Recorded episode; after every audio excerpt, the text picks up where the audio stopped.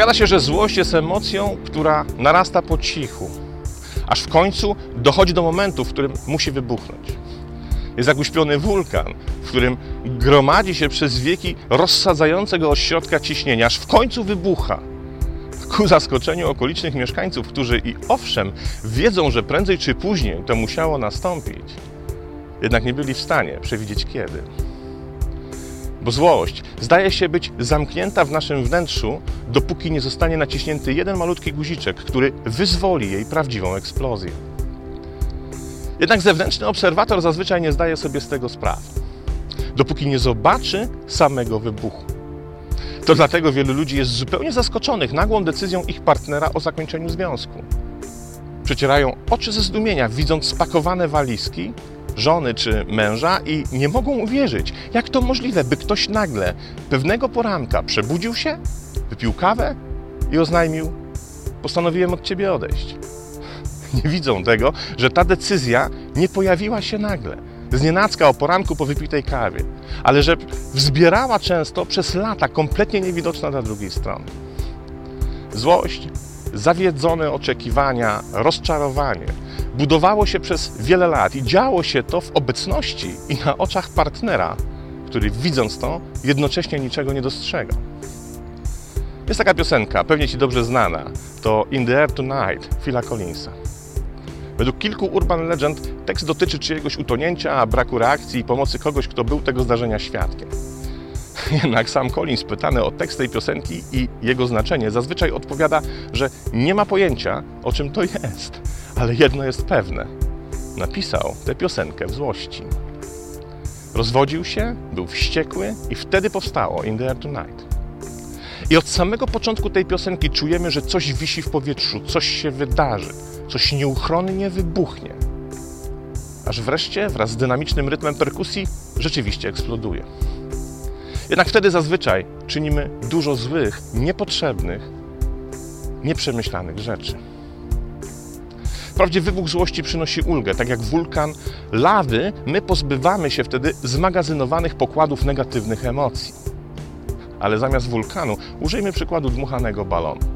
Balon ten ma pewną górną granicę wytrzymałości, poziom, do którego jest zdolny wytrzymać panujące wewnątrz ciśnienie i po którym pęka jego powłoka, by dać temu zbyt dużemu ciśnieniu ujście.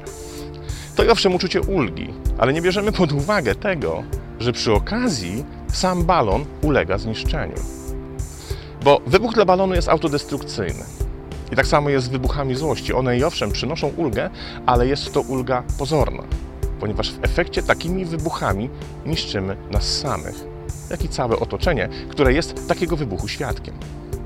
I nie jest to tak, że słowo przepraszam, które wypowiadasz, kiedy już ucichnie odgłos eksplozji, załatwia wszystko i powoduje, że wszyscy naokoło mogą uznać sprawę za niebyłą.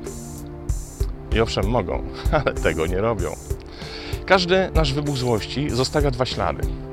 Pierwszy to odcisk na naszej relacji z innymi, to ślad zostawiony w innych. Mała skaza na przyjaźni, związku czy współpracy. Kiedy zaś nagromadzi się odpowiednia ilość tych skaz, relacja z nami staje się dla innych toksyczna i zazwyczaj nie chcą jej kontynuować.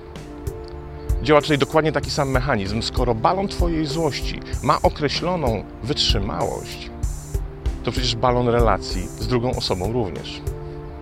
Kiedyś nazbiera się taka ilość mikropęknięć i mikroszczelin, że z relacji nie będzie co zbierać. Jednak jest jeszcze drugi ślad. Ten zaś pozostaje w tobie. To jak rysa na diamencie. Im więcej rys się na nim pojawia, tym ten klejnot będzie mniej wartościowy, aż w końcu rozsypie się w ogóle. Zamieni się w bezwartościowe, wegetatywne, zepsute przez złość życie. Znasz może takich ludzi? Znasz kogoś takiego, kogo dobrze charakteryzują powyższe słowa? Taką chodzącą, nabrzmiewającą złość? Jeśli tak, to zadaj samemu sobie teraz pytanie, czy Twoim zdaniem ten ktoś jest szczęśliwy? Odpowiedź zdaje się oczywista, prawda? Co zatem zrobić z gromadzącą się złością? Co zrobić, kiedy czujemy, jak w nas wzbiera? Czy na pewno jej wybuch stanowi jedyną, nieuchronną możliwość? Gorgi Gurdzijew przytacza następującą historię ze swojego życia. Kiedy był dziewięciolatkiem, umierał jego ojciec. Chłopak siedział przy jego łóżku i trzymał go za rękę, kiedy ten powiedział: Nie mam ci czego zostawić, nie mam ci co dać. Odchodzę jako biedny człowiek. Nie dorobiłem się w życiu niczego, żadnego majątku, pieniędzy czy innych dóbr. Jednak jedyne, co chciałbym Ci pozostawić, to rada, którą sam kiedyś otrzymałem od mojego ojca. Proszę, weź ją z sobą i bądź jej wierny przez całe Twoje życie. Oto ta rada. Ilekroć poczujesz złość, to zrób, co Ci ta złość podpowiada, ale najpierw odczekaj 24 godziny. Cokolwiek w złości nie zechcesz zrobić, to zanim to zrobisz, czekaj 24 godziny. Jeśli nawet w złości będziesz chciał kogoś zabić, to idź i go zabij, ale po 24 godzinach. Pod koniec swojego życia Gurdzijew wyznał, złość nigdy nie miała do mnie dostępu. Nigdy się jej nie poddałem, bo ilekroć się pojawiała, czekałem 24 godziny. Jednak kiedy mijały, okazywało się, że zupełnie niepotrzebnie się zezłościłem. Albo że ludzie, którzy wywoływali moją złość, tak naprawdę mieli rację, a to ja tylko nie chciałem tej racji uznać. Zawsze czekałem 24 godziny od momentu, w którym pojawiła się złość. I właśnie dlatego nigdy nie uczyniłem niczego kierowany złością. Złość przez całe moje życie nie miała nade mną najmniejszej władzy. To, że złość musi w końcu wybuchnąć, to wyłącznie iluzja, którą sami siebie karmimy. Nie trzeba niszczyć balonu, by wypuścić z niego nadmiar powietrza. Wystarczy zmniejszyć w jego środku ciśnienie, by powróciło do właściwego poziomu. Pytanie tylko, jak to zrobić. Tutaj kluczem jest wyłącznie autoświadomość.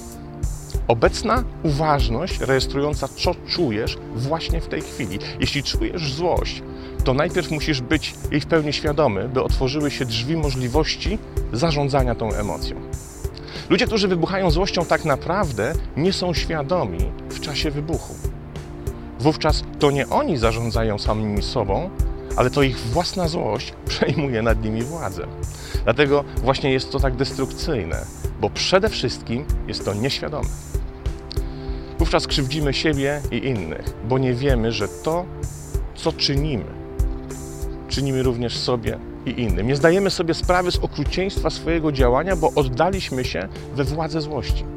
Autoświadomość w teraźniejszości to wentyl spuszczający nadmiar ciśnienia z nabrzmiałego balonu.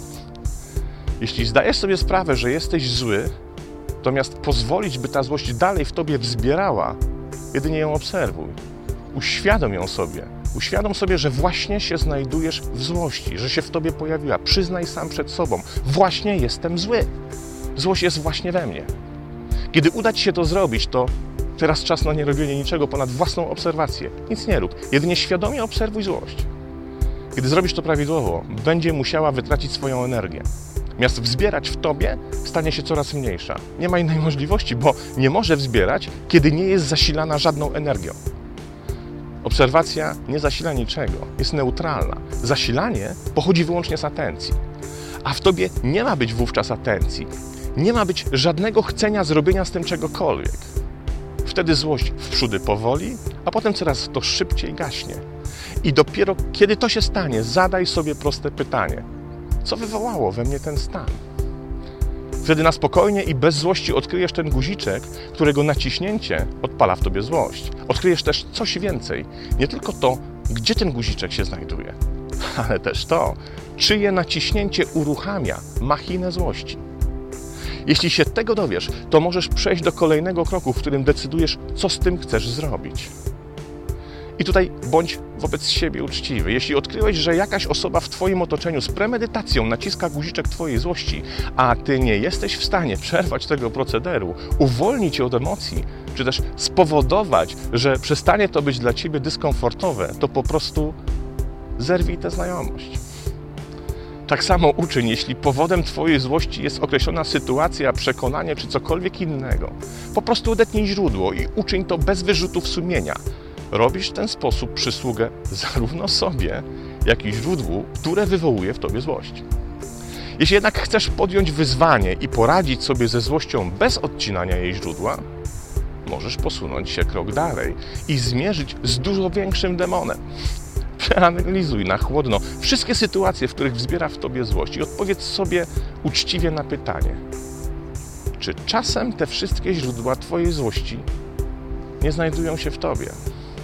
Czy czasem rzeczywistość, sytuacje, ludzie w Twoim otoczeniu nie są ani dobrzy, ani źli? Nie mają żadnego wektora intencji, a jedynie Ty im nadajesz znaczenie. Ty ich koronujesz na władców Twojej własnej złości. A tak naprawdę bez Twojego przyzwolenia, bez zielonego światła, które zapaliłeś własnej złości, po prostu jej w Tobie nie było. I dopiero wtedy odkrywasz, że miast pisać w złości piosenkę In the Air Tonight, dużo przyjemniej jest bujać się w hamaku akceptacji i autoświadomości i pisać słowa do piosenki Nothing in the Air Tonight. Pozdrawiam.